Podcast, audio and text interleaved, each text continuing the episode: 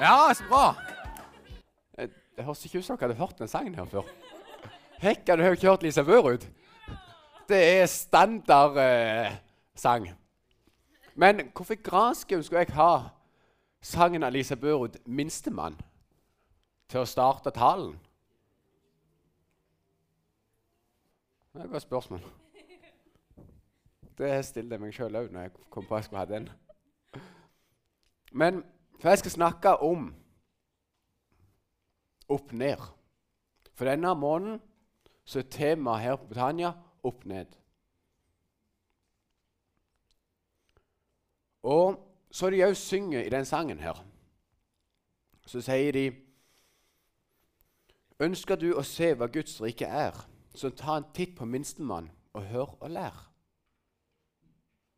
Altså, vi skal lære minstemann. Det betyr at når vi er hjemme, så skal Håvard se på meg, og så skal han lære hvordan jeg gjør ting. Da hadde han jo hatt nedlagt på fingrene. For det fikk jeg til å gjøre i dag. Men det er ikke helt sånn, men litt. For hvis vi skal sammenligne dette med når vi var små Når jeg var liten,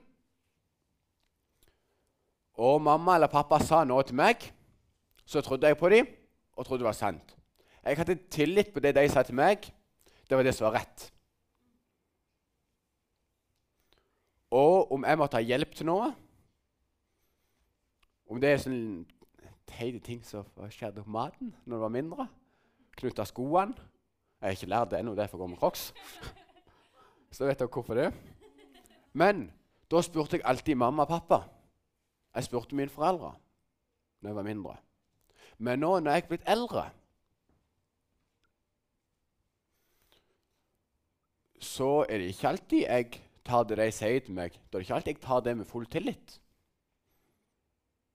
Om det er noe jeg skal ha hjelp til ja, For når jeg var mindre, så er det Jeg skal iallfall ikke spørre deg.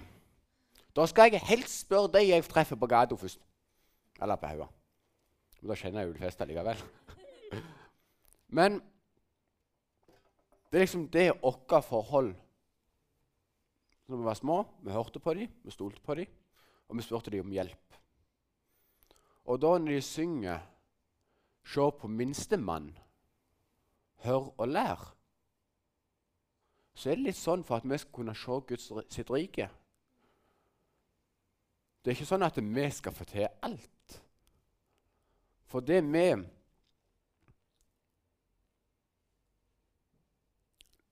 Skal jeg se hvor jeg er henne. For det vi hører, det vi leser i Bibelen, det vi hører av Gud, det er at vi skal ta det med samme tillit som vi hadde når vi var små.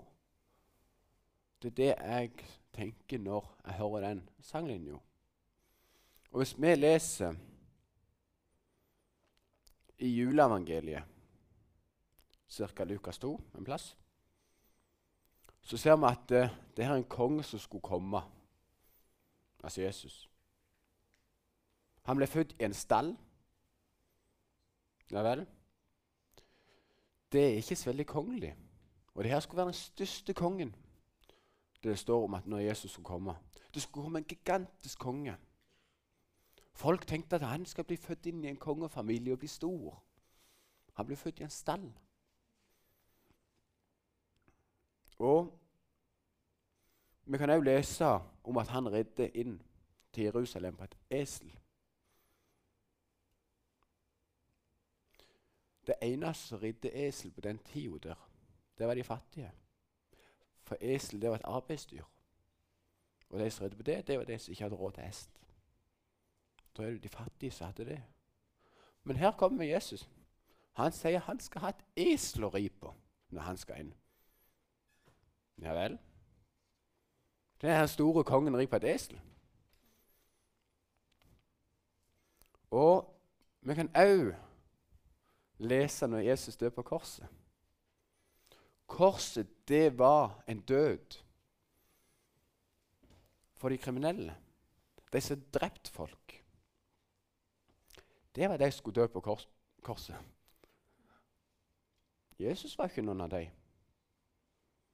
Men han hadde sin død på korset. Og det her er jo på en måte Ja, den store konge. Men den kongen kom ikke bare for de kongelige. Han, dø, han ble født i en stall. Han rir på et esel og dør på et kors. Det viser at han er en konge for oss. Han kom for oss, hver eneste en av oss.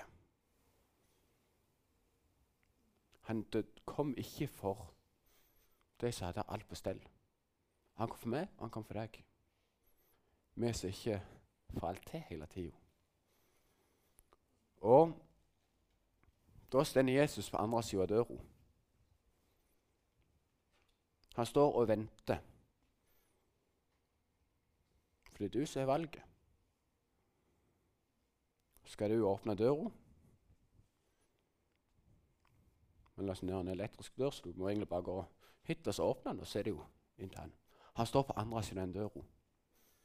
Det er du som må ta steget. Han står og venter. Og da kan du høre sånn her Å nei, han er jo ikke plass til meg.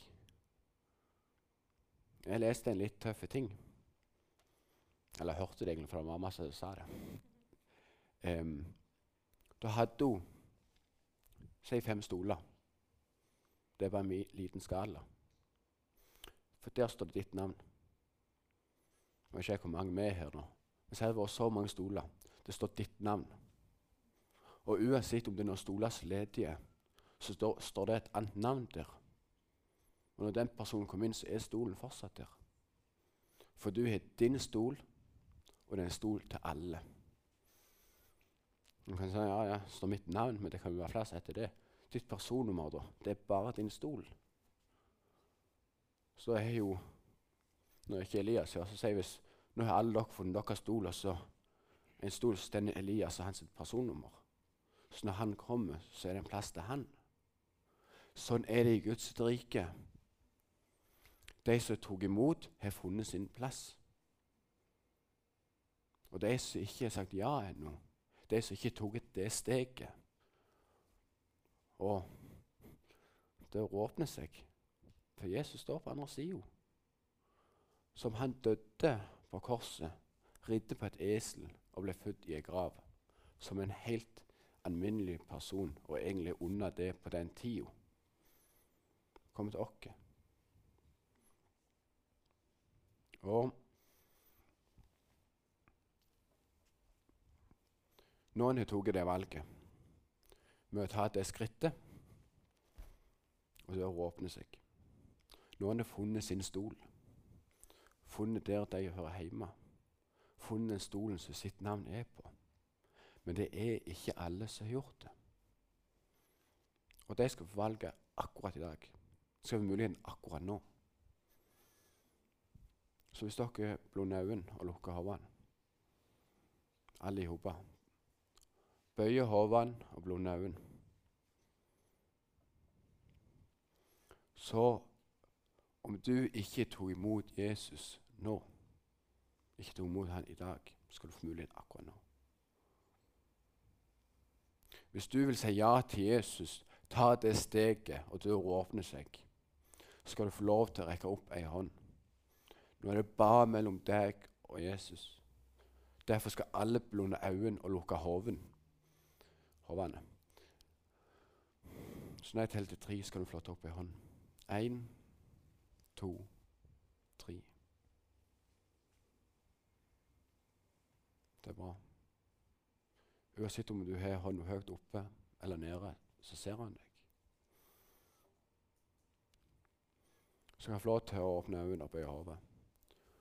Så skal dere være med og be. Om du har gjort det her en, det er det første gang i dag, eller om du har gjort det mange ganger, så skal du få muligheten akkurat nå.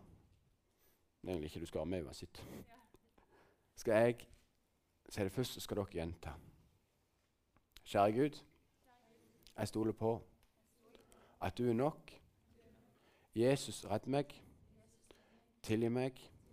Gjør meg helt ny. Følg meg med din ånd, så jeg kan kjenne deg tjene deg, følge deg for resten av mitt liv. For mitt liv er ditt. Amen.